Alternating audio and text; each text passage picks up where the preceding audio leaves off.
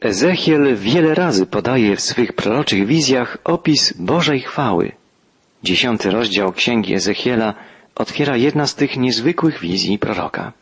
Ezechiel świadczy, następnie patrzyłem, a oto nad sklepieniem rozpościerającym się nad głowami cherubów było coś jakby szafir, a z wyglądu było podobne do tronu. Potem on rzekł tak do owego męża, odzianego w lnianą szatę, wejdź pomiędzy koła pod cherubami, a napełniwszy swe dłonie ognistym węglem z miejsca między cherubami, rozrzuć go po mieście. I wszedł tam na moich oczach. W czasie poprzedniej audycji poznaliśmy wizję proroka, której występowała postać męża odzianego w lnianą szatę.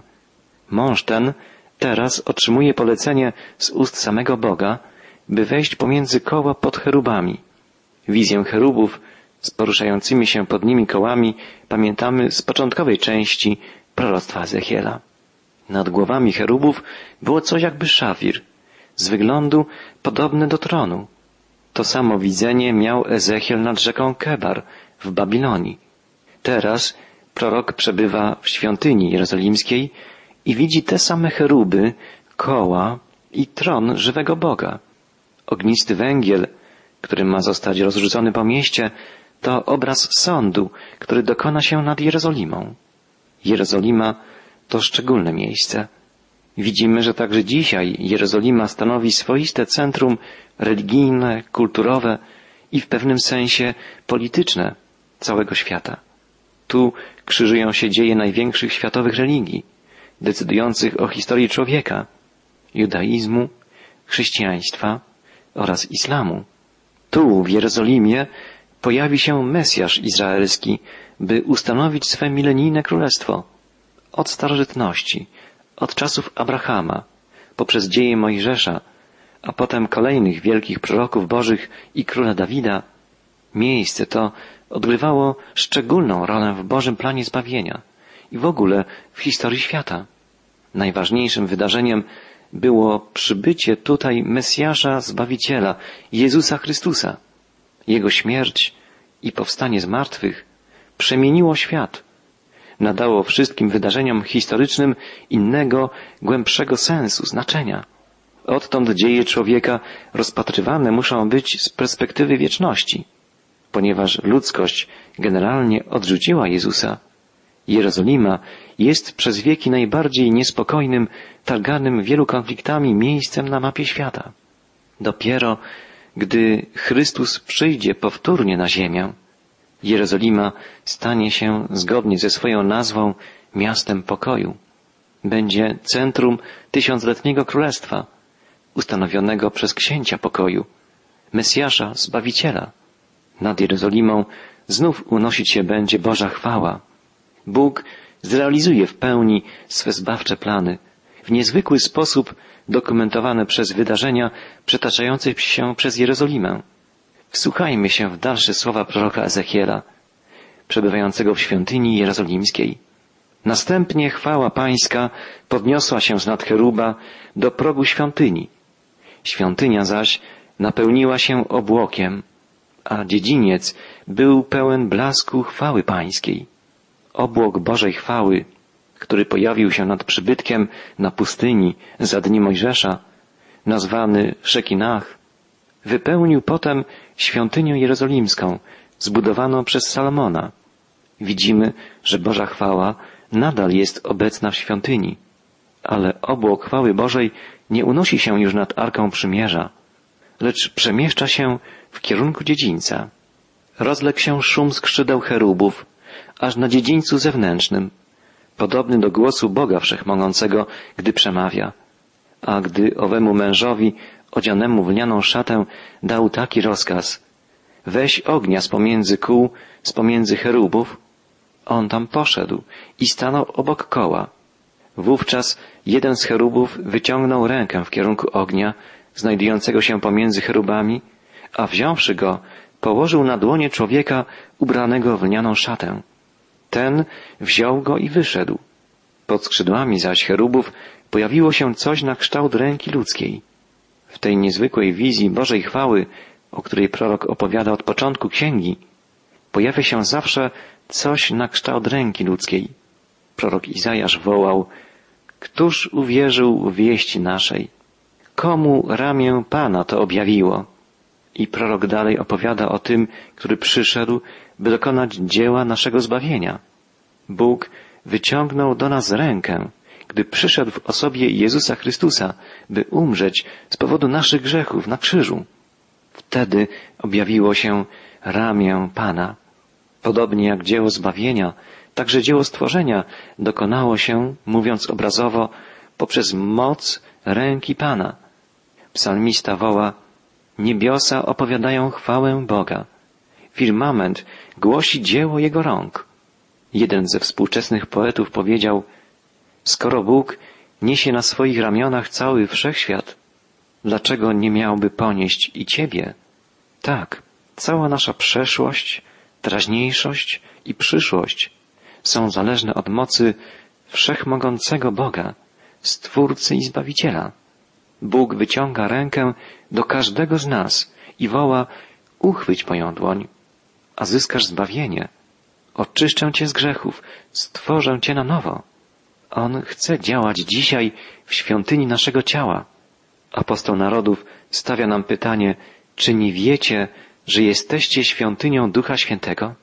A w liście do Efezjan, gdzie apostoł najpełniej rysuje obraz Kościoła, ukazuje Kościół jako świątynię zbudowaną z żywych kamieni, z ludzkich serc, serc wierzących, poddanych przemianie, odrodzeniu, odnowie. Takie wspaniałe prawdy przywodzi nam na myśl wizja Ezechiela. Oto dalsza część jego proroctwa. I patrzyłem, a oto przy boku cherubów znajdowały się cztery koła, po jednym kole obok każdego cheruba, a koła te z wyglądu miały połysk jakby tarsziszu. Wyglądały zaś tak, jakby każde z czterech miało ten sam kształt, jakby jedno koło znajdowało się w drugim, a gdy się posuwały, posuwały się w czterech swoich kierunkach. Nie odwracały się, gdy się posuwały, ale posuwały się w tym kierunku, dokąd prowadziła je głowa. Posuwały się za nią i nie odwracały się, gdy się posuwały. Ich całe ciało, plecy, ręce, skrzydła i koła u wszystkich czterech było wypełnione dokoła oczami. Słyszałem, że kołom została nadana nazwa Golgal. Słowo Galgal oznacza zestaw kół albo wir. Bóg jest Bogiem działającym, pozostaje nieustannie w ruchu, nigdy nie odpoczywa, nigdy się nie męczy, stale czuwa nad nami. Jakże wspaniały to Bóg. Prorok świadczy dalej, każda istota miała po cztery oblicza.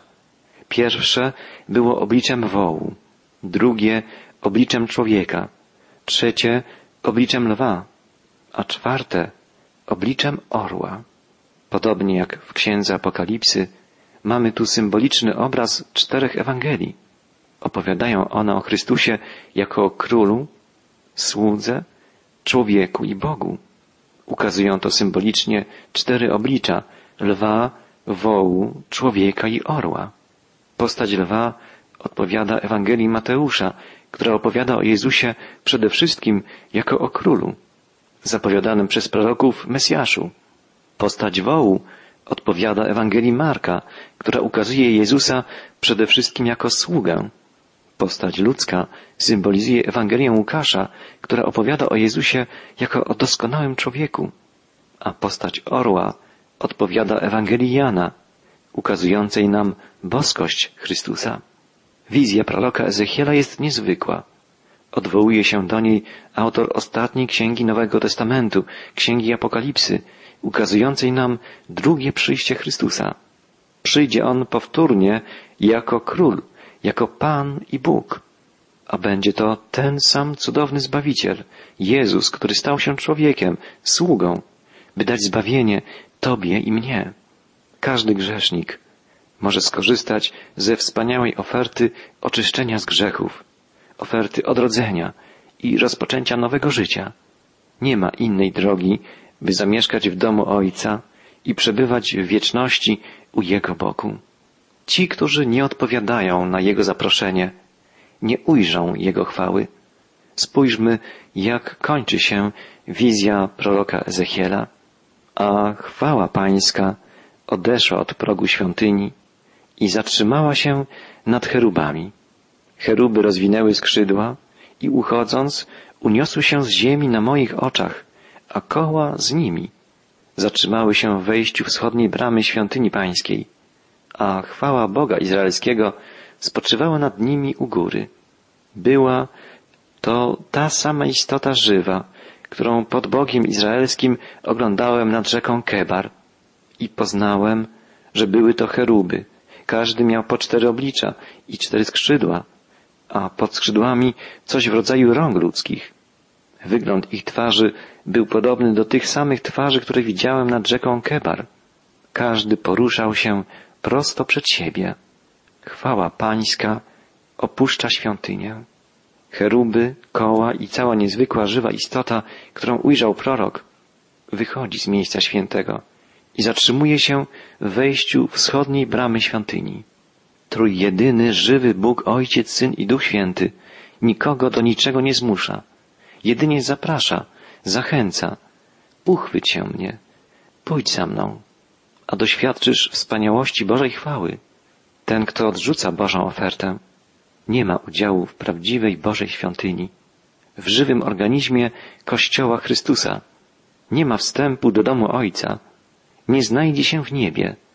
Jezus powiedział bardzo religijnemu Nikodemowi, zaprawdę, zaprawdę powiadam Ci, nikt, kto się nie narodzi na nowo, nie może nawet ujrzeć Królestwa Bożego.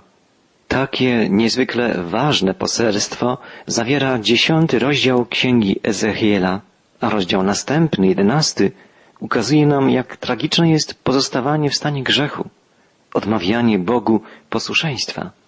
Szczególną odpowiedzialność przed Bogiem ponoszą ludzie o dużym poznaniu, ludzie, którzy powinni być przykładem dla innych. Natomiast postępując bezbożnie, gubią samych siebie i prowadzą ku zgubie innych. Prorok Ezechiel piętnuje grzechy przywódców Jerozolimy. Czytamy od początku rozdziału jedenastego. Potem podniósł mnie duch i zaprowadził mnie do wschodniej bramy świątyni pańskiej, zwróconej ku wschodowi. A oto u wejścia do bramy znajdowało się dwudziestu pięciu mężów, wśród których ujrzałem Jazaniasza, syna Azura i Pelatiasza, syna Benajasza, przywódców ludu. I rzekł do mnie Pan, Synu człowieczy, oto mężowie, w których myślach jest zło i którzy w tym mieście rozszerzają złe rady. Mówią, nieprędko buduje się domy, oto kocioł, a my stanowimy mięso. Innymi słowy, przywódcy Jerozolimy uważali, że Jerozolima, budowana i trwająca przez wieki, jest miastem niezniszczalnym, a oni, jej mieszkańcy, stanowią jej mięso, czyli najważniejszą, najbardziej wartościową i żywotną część i treść. Czuli się silni i bezpieczni, co jak wiemy było też poselstwem fałszywych proroków, których zwalczał Jeremiasz. Fałszywi prorocy zapewniali mieszkańców Jerozolimy o pomyślnej przyszłości i podobnie, jak widzimy, czynili przywódcy polityczni. Było to oczywistą nieprawdą. Jerozolima chyliła się ku upadkowi. Dlatego prorokuj przeciwko nim. Prorokuj, synu człowieczy. Wówczas mną owładnął duch pański i rzekł do mnie, mów, tak mówi Pan. W ten sposób powiedzieliście domu Izraela, a ja znam sprawy waszej duszy. Bóg zna stan naszej duszy, przenika nas i bada, słyszy nawet nasze myśli. Wielu pomordowaliście w tym mieście, a jego ulice zasłaliście trupami. Z powodu błędów popełnionych przez przywódców zginęło wielu mieszkańców Jerozolimy. Ponoszą oni odpowiedzialność za upadek moralny ludu i zostaną ukarani przez Pana. Boicie się miecza, a ja sprowadzę na was miecz, wyrocznia Pana Boga, wypędzę was z Jego obrębu, z Jego środka, wydam was w ręce obcych i przeprowadzę sąd nad wami. Padniecie od miecza. Będę was sądził na granicy izraelskiej i poznacie, że ja jestem Pan. Po raz kolejny pojawia się w proroctwach Ezechiela zapowiedź. Poznają, że ja jestem Pan. To jest jedna z przyczyn, dla których Bóg osądza ludzi, by poznali Pana, żywego Boga. W drugiej części jedenastego rozdziału Księgi Ezechiela znajdziemy dalsze ważne słowa proroka. Czytam od wiersza czternastego. Pan skierował do mnie te słowa. Synu człowieczy, oto do braci Twoich, do zesłanych wraz z Tobą, do wszystkich pokoleń izraelskich, do ogółu mawiali mieszkańcy Jerozolimy, oddaleni jesteście od Pana. Ziemia ta nam została oddana w posiadanie. Dlatego mów, tak mówi Pan Bóg. Wprawdzie wygnałem ich pomiędzy narody i rozproszyłem po krajach, jednak przez krótki czas będę dla nich świątynią w tych krajach, do których przybyli. Bóg zapowiada poprzez usta proroka, że nie opuści swego ludu, mimo iż zezwoli, by dostali się do niewoli.